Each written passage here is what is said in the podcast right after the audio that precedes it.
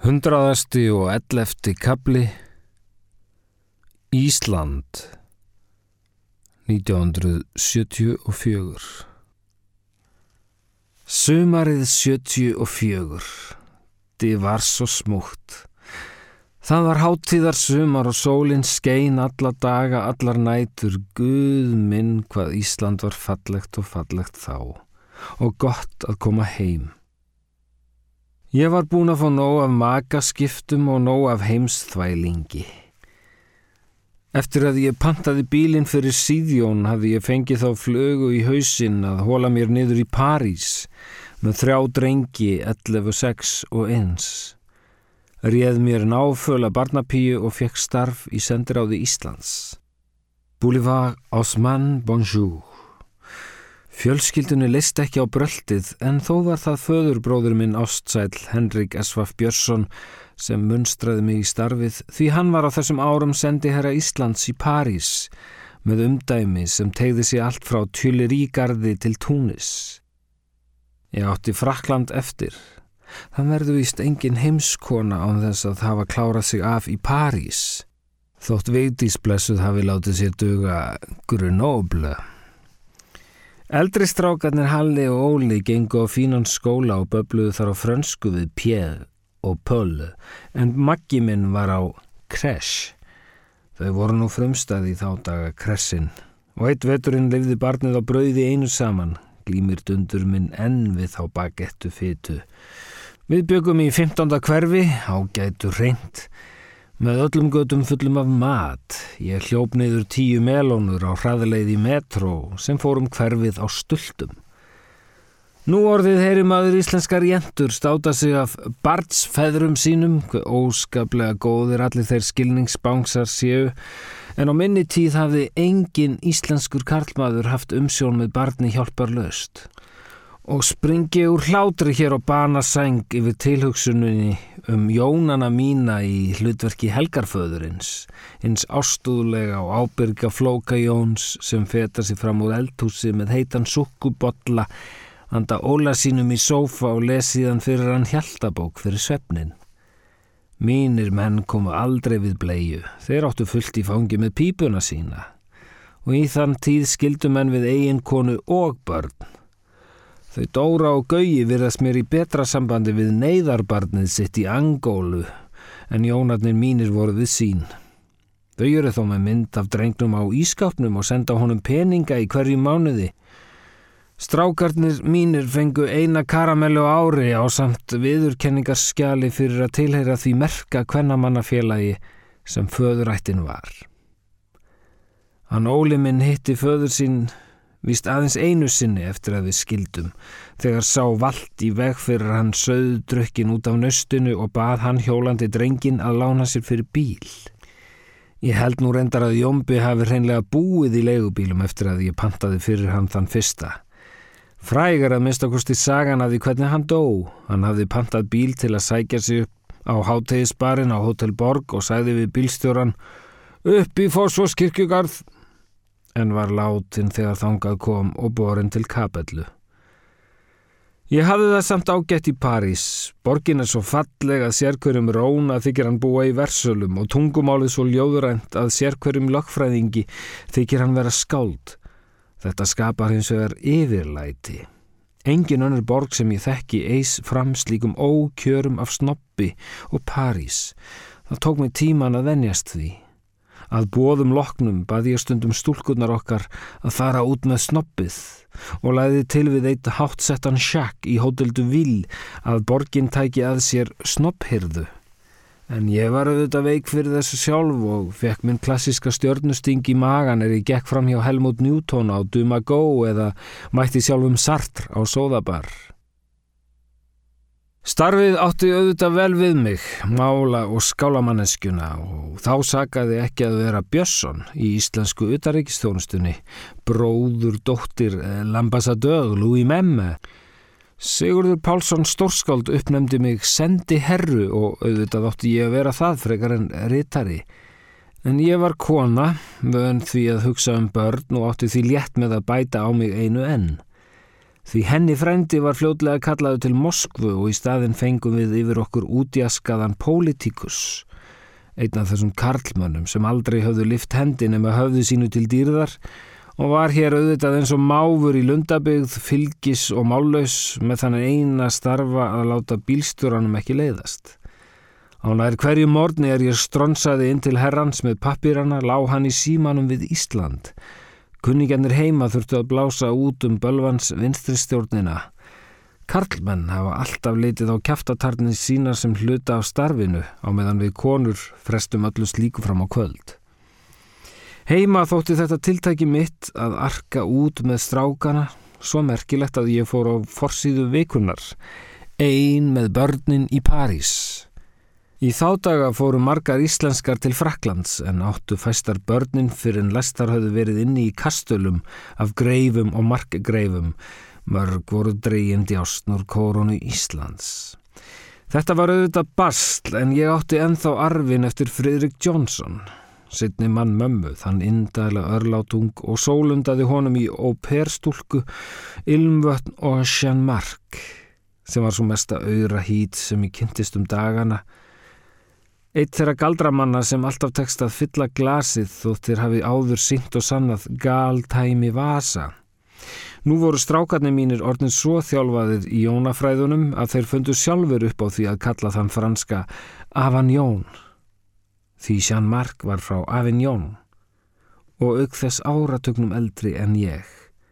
Í fyrstu var hann très charmant en eftir þrjá mánuði komst ég að því að hann var í raun ekki annað en niðursetningur með háskólapróf. Að loknum öðrum þremur mánuðum sá ég hins vegar að þert í móti bara að kalla mannin uppsetning því þá var hann sestur upp á okkur og satt þar í átján mánuði. Sjálf var ég að gera mér að góðu að vera erra því þegar málguðin gaf frökkum stafrófið læstist háið inn á bókasafni og háir það frökkum æg síðan. Með þeim eru hendur endur og hljóð ljóð. Þetta gætt þó verið til skemmtunar eins og í visslunni með erró þar sem við vorum krýnt sem kvöldsins par og mynduð í bak og fyrir ego e ega. Loksins komst ég í L'Opera Garnier sem hafi byrst mér í draumi 23 árum fyrr og í hverju mánuði arkaði ég tröppur og ganga í Louvre til að sjá metursusskipið brúðköpið í Kana og eftirlætið mitt sjálfan solkonungin eftir Rigaud. Ég teigaði með metróilminn og snætti mig inn eftir heilu hverfunum, inn í dimmustu impöss og passöss hvar ég átti stundum stefnumót utan lögsögu og æfisögu og leið þá líkt og í ekkert ofleiðilegri listrætni kvikmynd. Í minningunni stendur París líkt og vissluborð í sálinni með sex hæða tertum og einum törni. Hún er heimur í heiminum lokaður en lokkandi, árein þar voru mér utan lífs ævintýr. Undra vetur þrýr með álfum, því svo mikið öðruvísi eru þeir fransmenn, smágerðir, profílfagrir, fínmalandi og huldumannslegir í öllum sínum alvarleika. Húmor er ekki auðfundin með þeim, ekki fremur en önnur orð sem byrja á há, en ljóðrænu kunna þeir betur en allir og hafa víða hoggið í stein og götustein. Það er ekki leiðilegt að rölda um borg sem býður upp á tvær leiðir til að komast í Rútu Paradís annars vegar Rue Fidelité og hins vegar Passage du Désir. Vorið 74 fekk ég hins vegar nóg af öllu saman. Ég var orðin 45 ára og hafði enn ekki sett mig niður neinstadar. Nú var komið nóg af löndum í mínu lífi og nóg af mönnum. Nóg af etikettum og diplomatík. Ég ákvað að snúa heim áður en sálinn í mér var í varanlega deyfð orðin af freyðivíni og frönskum matseðlum.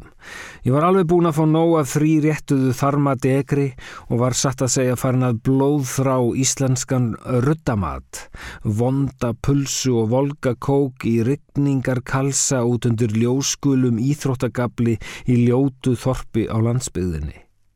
Eftir halva æfi í útlandinu þyrsti mig í landið mitt með öllum sínum ömurleika, öllum sínum kvennfélags uppáhellingi, köku, maníu, kókþambi og kaldsósu jökki, öllu sínu róki og rigningu og röflandi bisku kallmönnum, öllum sínu menningar snóða og hrútafélags hróða og miður þíska arkitektur með sínum endalösu bílatúnum og bensínhofum.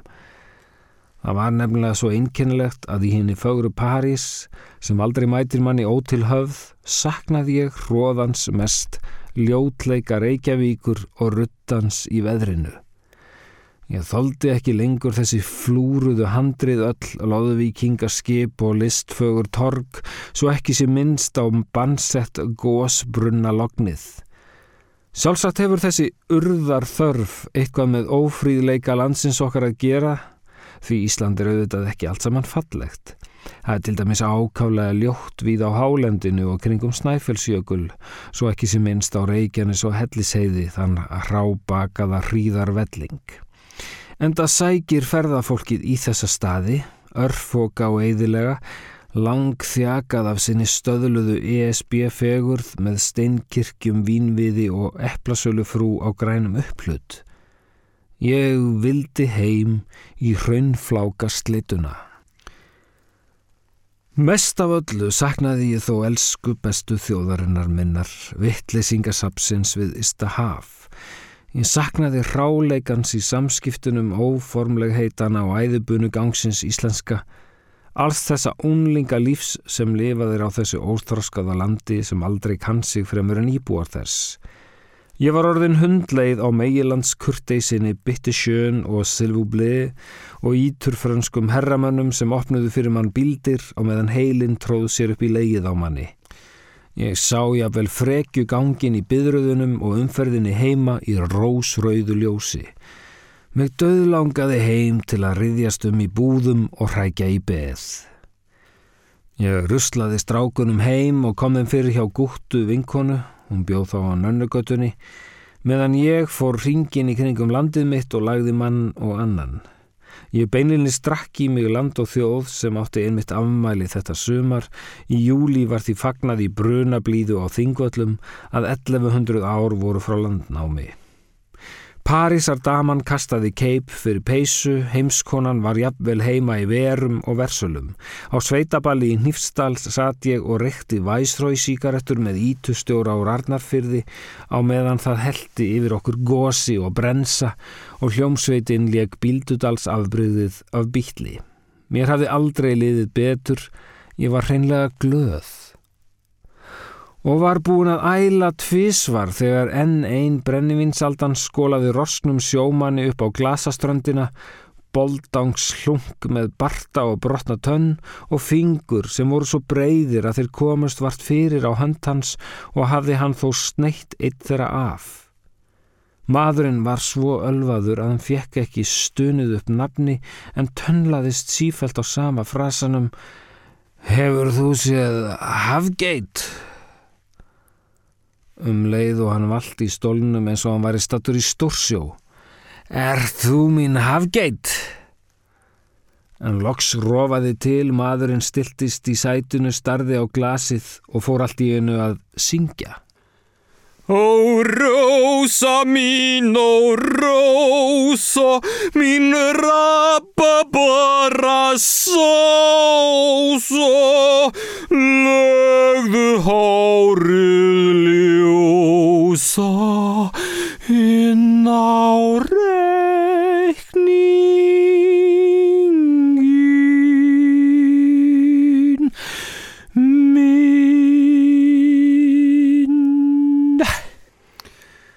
Röttin var eins og rom í rakspýra, hljómsveitinni fipaðist og einhverju snýru höfði roskin kona brosti. Af því loknu seg maðurinn hægt út á hlið líkt og högvið tríi. Ég náði að grípa í hann áður en hann valdi í gós klístrað gólfið. Hann rankaði við sér, lagði höfuðuð á öxl mér, lætti minni gul fingruðu grannhönd í særam sinn og slefti ekki takinu. Hundraðasti og tólti kapli Bæring 1974 Hann hétt Bæring og var Jónsson, bolvikingur í húð og hár, stýrimaður á Vesta í S306, hafði eitt halvri æfinni standandi í skipsbrú með dorrandi sjóndeild í glugga. Og ég sem ætlaði aldrei aftur að bindast. Við áttum saman hiftalega helgi í risavöksnu húsi hans undir bjólfi, smullum saman með kvelli, ég táraðist jafnvel á bryggjunni er hann kvatti, en hann hafði bókað sig í langtúr og ringdi síðan í strákana mína að haska sér upp í flugvél. Mamma var orðin vestfyrðingur og hafði ráðið sig sem kokk. Í grænum vegagerðaskúr í botni skötufjörðar áttum við mæðgin okkar besta sömar. Halli var orðin 15 ára og fekk að handleika skoblu á ríkislaunum en Óli og Maggi leku sér í lingi og fjöru og meðan móður þeirra setti upp fisk og velling, saltkjött og bjúu og velti bröndurum út um randopin móðuglugga. Í stað þess að tróða mér inn fyrir hádegisborð á Cafedula P stóð ég í botni Eidifjörðar við Istahaf skrældi kartöblur onni 20 manns og var alsæl. Sólinn skein látlaust og þvottaplöggin hreyðust vart á snúru. Karlarnir komu inn með sólar, grettu og uppbrettar ermar og allt sumarið var íslensk útilíkt af strákunum mínum. Þarna fór bylting um langa fyrði sem skildi eftir síg fyrsta akveg um Ísafjörðardjúb. Yfir búðunum var því viss landnámsstemning. Í skötufyrði hafði engin maður búið í hundrað ár og kjarfengið að vaksa óábeitt. Ég lík þessu reyndar því einbúin á hjöllum út með fyrði tórði enn og var þó utan þjóðskrár. Hann var ekki til. Þeim nú samt að bjóða honum í kaffi 17. júni, komi með hann eins og ný veitan huldumann, rognir á svip. Hann kom inn í matarskúr með guðsbrós og geyslaskegg, rétti mér lófan, ambóða mjúkan og sagði nánast ekkert annað en á og já, en lukkulegri mann hef ég aldrei séð. Hann hafði ekkert og þurfti ekkert, ekki ólíu, rafmagn, útvarpni, post. Hvað þetta var hillandi tilhugsun? Það var veruleg kunst að fá að gefa honum kaffi. Já, ómögulega, var hans svar og engin leið að meta merkingu þeirra orða. Hann virtist aldrei hafa búið til orðið nei. Mér tókst um síður að gefa honum ábót og fekk svo blitt tilbaka að ég hugsaði Kanski hefur hann aldrei áður séð konu, en auðvitað var það þvarg. Þetta var einn íslenski bútabóndi, hann hafi fundið friðin. Talið barst að landsmálum en þá voðu ríkistjórnarskiptin yfir vikulega eins og jafnan þegar kommunistar eru við völd. Vinstrimenn eru í eðli sínu aðteglisjúkir upplöpsmenn segi og skrifa ólíkt hægrimannum sem vilja fá að maka sinn króki í kyrþegi. Einbúin á hjöllum varð svona skínandi fallegur í framann þeir spurðu hann um ríkistjórnina. Virtist aldrei hafa hýrt það orð neina okkar fréttir aðrar.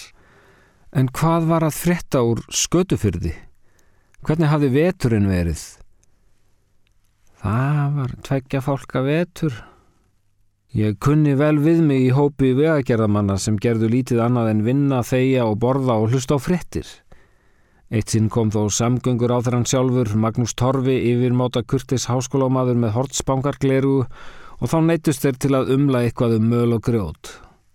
En mér tókst að gleyðja þá blessaða sexinum á dag með rjúkandi bollum og diskum og sögum úr stríðinu. Ég var alltaf kunnað því vel að vera eina konan í hópi Karla. Það gerir Karlið í manni. Um haustið trommaði ég svo með hersinguna inn í húsiðans bærings í Bólungavík. Það var dæmingert hús frá þessum tíma eins og bílskúr með glerugu. Þeim Halla, Óla og Magga þóttu þetta undarleg býtti að ljúka skóla í París að vori en hef ég aftur að hösti upp við Hafísrönd. Vettlingar og húfur góðan dag. Ég reyndi að vera skemmtileg mamma og bjóð til nöfn eins og Bois de Bolung og Val de Couteau En þetta voru auðvitað viðbröði, engin kaffihús, engin metro, engin menufix og engin augu ekkert kvundags flört. Aðeins þreitulegar fristihúsmæður með alpahúfur úr bláu plasti.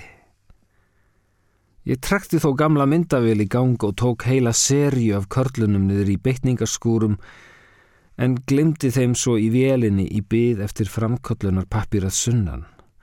Mörgum árum síðar lendi ég á fyllir í með Summara og hann varð svona líka hugfangin af reikfallin í kameru sem gemdi 15 bolvíska beitningamenn anná 1974. Þetta er verk! Rópaði hann upp og vildi fá hlungin á síningu og setja napp sitt við. Þá fauk í mína og ég fullvisaði hann um að í þessum myndum lægi kunnáta tveggja ára nám í Hamburg með öllum þeim barndfórnum og bítlakossum sem fylgdu. Sjálfsagt koðnaði ég niður andlega í húsmóðu lífinu fyrir vestan.